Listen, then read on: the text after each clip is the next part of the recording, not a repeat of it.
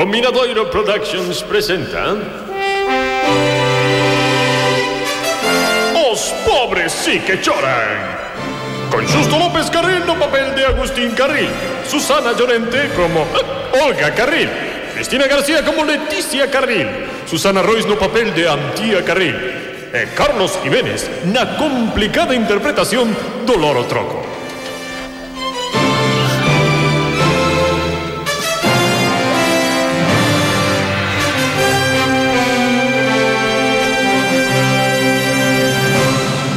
Se lembran? O vendes pasado descubríamos que Anxo, o rapaz que toca na igrexa, é o mozo de Antía. A cousa non lle fixo moita gracia a Agustín, xa que, segundo el, Antía era a máis decente das súas fillas, pero... Por que fixo Agustín esta afirmación? Porque considera a Antía máis decente ca a Olga, que en teoría é a máis responsable das tres irmás. Sen duda, ten que ser por algo que aínda non sabemos. Para averiguarmos cal é esa mancha no pasado de Olga, imos retroceder no tempo. Concretamente, imos situarnos un ano atrás. Estamos a 17 de novembro do ano 2002. A familia Carril é unha das máis prósperas do Brasil. Teñen un negocio de restaurantes que lles proporcionou esa riqueza da que gozan. Na mansión onde viven os Carril, en Río de Janeiro, a vida transcorre dentro da normalidade. Do que para eles é normalidade, claro. Que sí, que sí, que hoxe traxevas divinamente. Sí, sí, sí, sí. Eu tamén merquei un de Tucci para a festa de presentación do perfume que houve a semana pasada. E fun a máis elegante da fiesta. Ti cando non teñas claro que poñer, eu sempre o digo, eh? vai o seguro, un Tucci, porque Ferrache comprenderás que é moi arriscado. Eh, Leti, filla, atiende un momento. Un momento, papi, que despido a Cookie. Cookie, guapiña, perdoa, ah, pero é que meu pai quere falar comigo. Pois non sei, non sei, seguro que é outra desas broncas por fundir todo o saldo das tarxetas de crédito. Pero non te preocupes por min, eh? Ala, bicos. Leti. Dime, papi, que queres? Leti. Que, que xa te vexo, eh? Con ese sobre na man, Leti. esa, esa cara... Seguro que son os do banco outra vez queixándose porque deixei as contas en números vermellos. É que me tens que subir a paga, papi. O se non é iso, Leti. É que temos un problema con Olga. Acaba de chegar isto para ela. Pero... Pero A onde está a Antía? Ela tamén debería estar presente nesta conversa. E, e, e tú, Anai? Un segundo, papi, eh? Sí. Colle. Hola.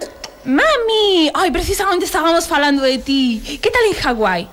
Ai, eu teño máis ganas de ir. Olga, pois igual que sempre, xa o sabes. Sí, sí, sí, estamos todos ben, ti non te preocupes, eh? Aproveita as vacacións que boa falta che facía. Ala, vi cosas tías. Chao, mami, chao. Que dicías, papi? Que onde están, tía? Pois hoxe tiña pádel, natación bah, bah, e hípica. Debe estar a piques... Un momentiño, eh? Sí, Oliver, hola guapo, como te voto de menos? Eh, hai dúas horas que non falamos, tras moitísimo que contarme. Cada segundo que pasaba, Agustín estaba máis preocupado. Nese momento chegou Antía co seu chándal de marca posto. Aquel día tocaralle sesión intensiva, pero non lle importaba porque ela era unha gran diamante do deporte. Hola. Hola, papá. Antiña, miña rula. Menos mal que chegaches. Teño que falar contigo e con Leti urxentemente. E sobre Olga. Ah, vale, que, que pasa? Leticia, deixa xa o móvil Ui, Oliver, vouche ter que deixar que parece que meu papi deulle unha das súas crisis nerviosas Xa te chamo logo, eh? Ala, chao, bicos Dime, papi Logo xa falaremos co da crise nerviosa A ver, fillas, isto é un asunto serio. E non sei como enfrontarme al. E ten que pasar isto justamente agora, cando o Sanai está de vacacións en Hawái coas súas irmás. Esta muller nunca está cando a necesita. Papá, tes que ser comprensivo. Que a mamá facíanlle falla esas vacacións. Últimamente estaba moi estresada con todo isto dos negocios. Xa, se me deixase a min non andaría tan estresada, pero quere facelo todo ela.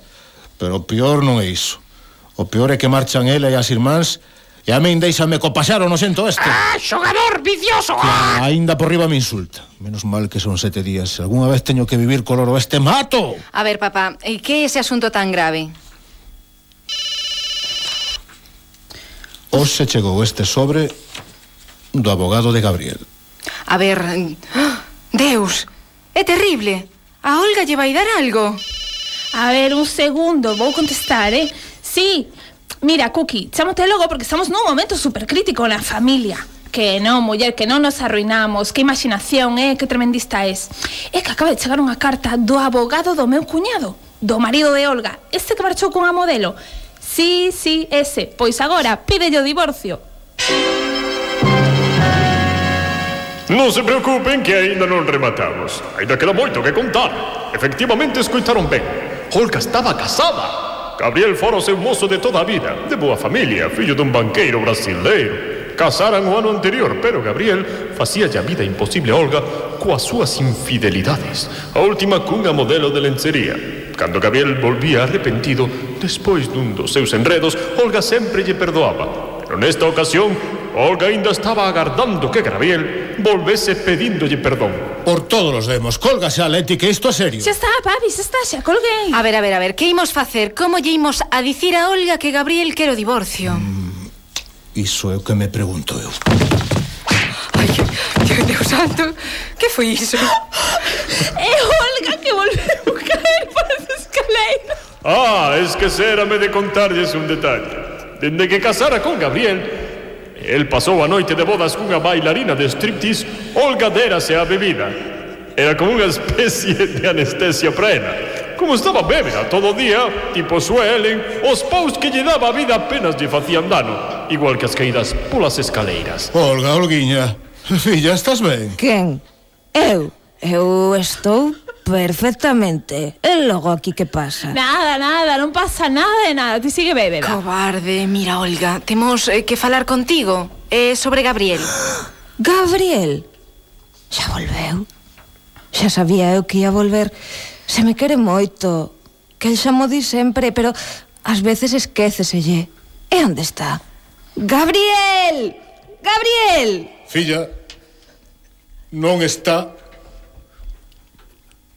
E non vai a estar. Pero ti, papá, que estás a dicir? Vai pensar que está morto. Ui, pois mira, vai ser mellor, era boa idea dicirlle que está morto, eh? Pero ti, co- como íamos dicir iso? Ah, claro, tes razón, porque mira que se un día se atopan pola rúa, Olga vai pensar que ve un fantasma. A ver, onde está Gabriel? Ah, xa sei, xa sei Seguro que está xogando o escondite Para darme unha sorpresa Pois vou no buscar. Por favor. Gabriel. Que crueldade, por favor, que alguén lle diga a verdade. Filla, Gabriel non está e Gabriel non vai estar. Que non sei que dicir. Pobre miña filla. Olga Luguiña. Eh. Vai morrer co desgosto. Está ben, direi yo eu. Olga, ven aquí. Pero Gabriel. Gabriel. Pero que pasa? Por que estades todos tan serios? Mira, Olga, Gabriel non está na casa. Eh, e tampouco vai volver porque... Ai, ai, ai, que se vai armar. Porque acaba de enviar unha demanda de divorcio. Olga, filla, estás ben? Olga, Olga, por que, nin, por que non dis nada, filla? Porque non hai nada que dicir. A partir de hoxe, eu non volverei a nomear a Gabriel. E tampouco quero que ninguén o nomee na miña presencia, de acordo? E así se fixo ata o día de hoxe. Nunca ninguén ousou dicir o nome de... Gabriel. En presencia de Olga. Dende aquel día Olga refuxouse no traballo e cando os carril se arruinaron tomou as rendas do pouco que quedaba ao mando da churrasquería. Converteuse nunha muller fría e materialista. Oxe, só podemos facer dúas preguntas. Aparecerá Graviel na vida de Olga novamente? E Olga, volverá a ser a de antes algún día.